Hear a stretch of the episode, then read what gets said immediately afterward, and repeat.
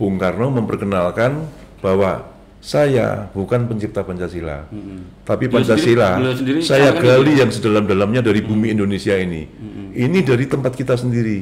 Ini loh ada ya yang namanya Pancasila. Makanya lah hari lahir Pancasila itu 1 Juni. De jure, ya kan? De jure 18 Agustus tahun 45 pada waktu eh, di pembukaan Undang-Undang Dasar 45 Oh, iya. oleh bukan BPU PKI lagi tapi PPKI Panitia Persiapan Kemerdekaan Indonesia.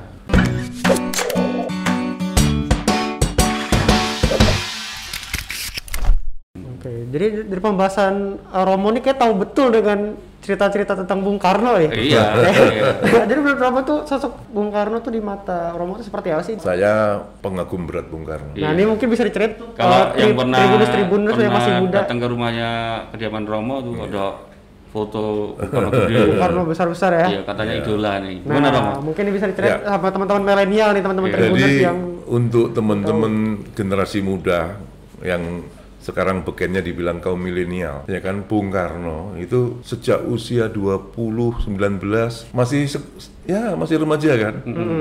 Sudah mikir negara loh, juga mikir bangsa ke depan ini bagaimana. Dari beliau remaja, pemuda sampai menjelang akhir hayatnya, negara terus yang dipikir. Jadi ya itu pemikiran ada ya. Iya, iya. anak-anak sekarang, kaum milenial sekarang, ya mulai sekarang bicaralah eh, tentang kenegaraan, tata negara, tata pemerintahan, bagaimana bangsa ini ke depan mau dibawa. Kalau kita pengen Indonesia betul-betul menjadi bangsa yang besar, bukan cuma hanya penduduknya besar. Iya.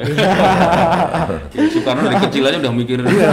ya, bagaimana bangsa ini jadi besar. Iya, sampai keluar masuk penjara kan, Iya, iya, iya. itu memikirkan siapa? Mulai dari ya masih milenial kan gitu kan.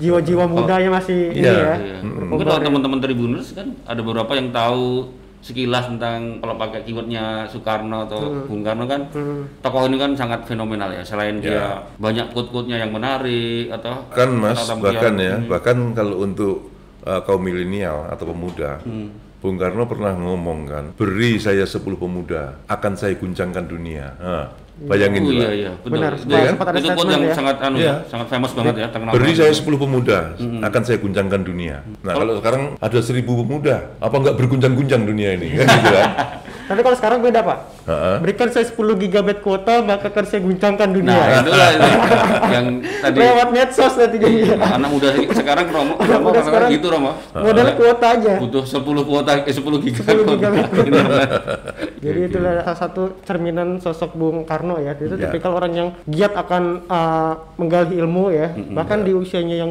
masih muda aja dia sudah memikirkan nasib bangsa ke depannya mau jadi seperti apa. Jadi mohon maaf sedikit ya, karya-karya Bung Karno dan apa yang telah dibuat Bung Karno dan apa yang digali oleh Bung Karno yang kita namakan Pancasila itu, ini dunia Barat pun terkagum-kagum. Benar. Bagaimana sebuah bangsa yang ratusan suku, semua agama ada, ribuan pulau, terus tempatnya berjauh-jauhan, bisa kompak dan bersatu, menyatukan ini semua.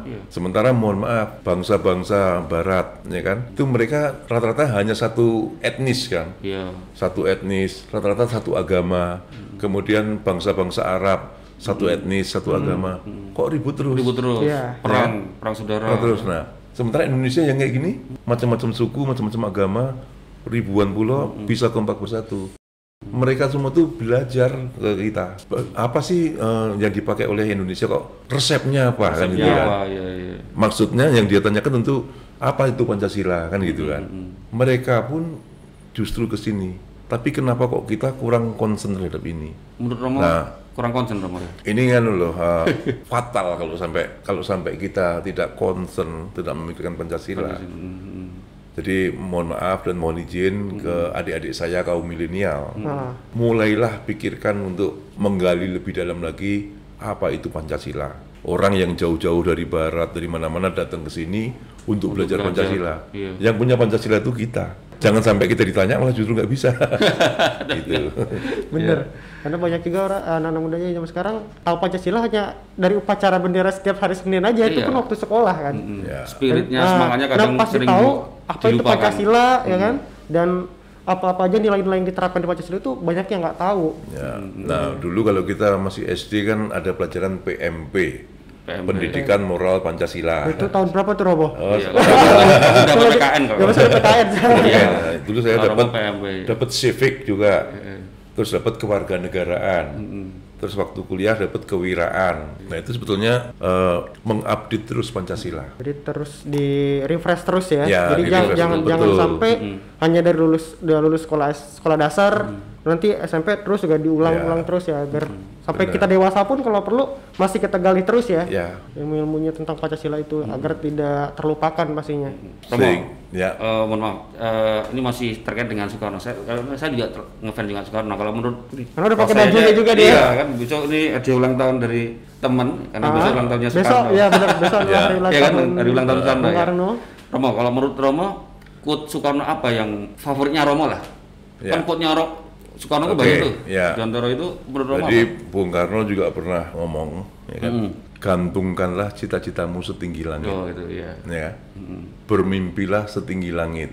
Kaitannya dihubungkan lagi, kalau engkau jatuh, jatuhnya di antara bintang-bintang. Bintang-bintang, Nah, iya.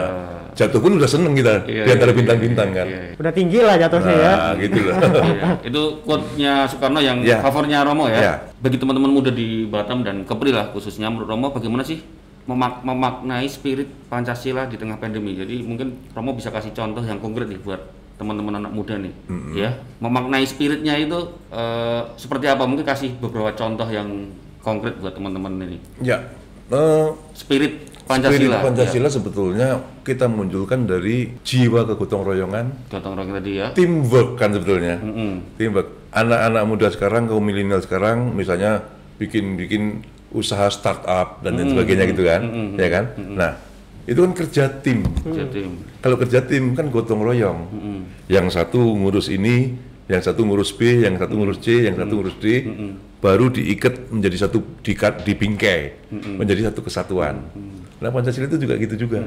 Prinsip dan jiwa kegotong royongan harus selalu dibangun dari waktu ke waktu. Itu sebetulnya sudah mengimplementasikan Pancasila itu sendiri.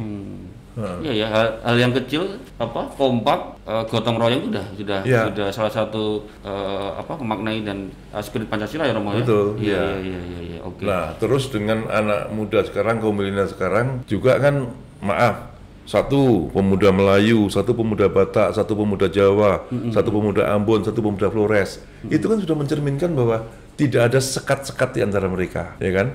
Itu sudah sila ketiga dari Pancasila, Persatuan Persatuan Indonesia. Tidak lagi kalau kita mau kerja sama anak-anak muda, tidak lagi agamamu apa sih? Konghucu, Hindu, Buddha, Kristen, Katolik, Hindu, Buddha, Katolik, Kristen, Konghucu, udah nggak gitu lagi kan? Teamwork bareng-bareng.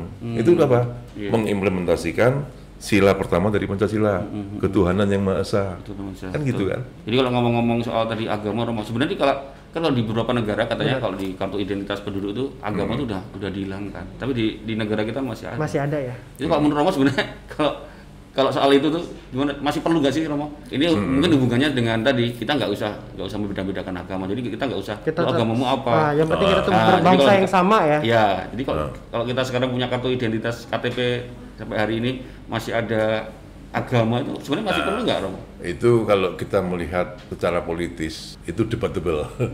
Nah, tergantung dari sisi mana memandangnya. Iya iya. Kalau nggak keliru pernah ada gagasan mantan mendagri kita, Pak Cahyo Kumolo, Oh, iya. yang punya gagasan akan menghapuskan kalau agama gitu Betul, ya. betul. Nah, tapi pro kontra.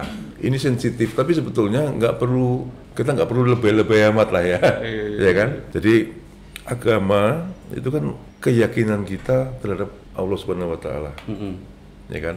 Nah, terus eh, kalau kita memandang positif ya positif, kolom agama tetap ada itu positif. Tapi yang mengusulkan tidak ada juga positif, juga. Positif. Semangatnya kan tadi ya Romo ya. Hmm, Sebenarnya nah, baik tapi, ya semangatnya. tapi eh, apa pun juga namanya, jangan sampai eh, wacana perdebatan antara yang pro dan yang kontra kolom agama atau tidak itu ada atau tidak, itu jangan sampai menjadi eh, memecah, memecah belah belah, kita. justru malah memecah Gitu. belah. Iya.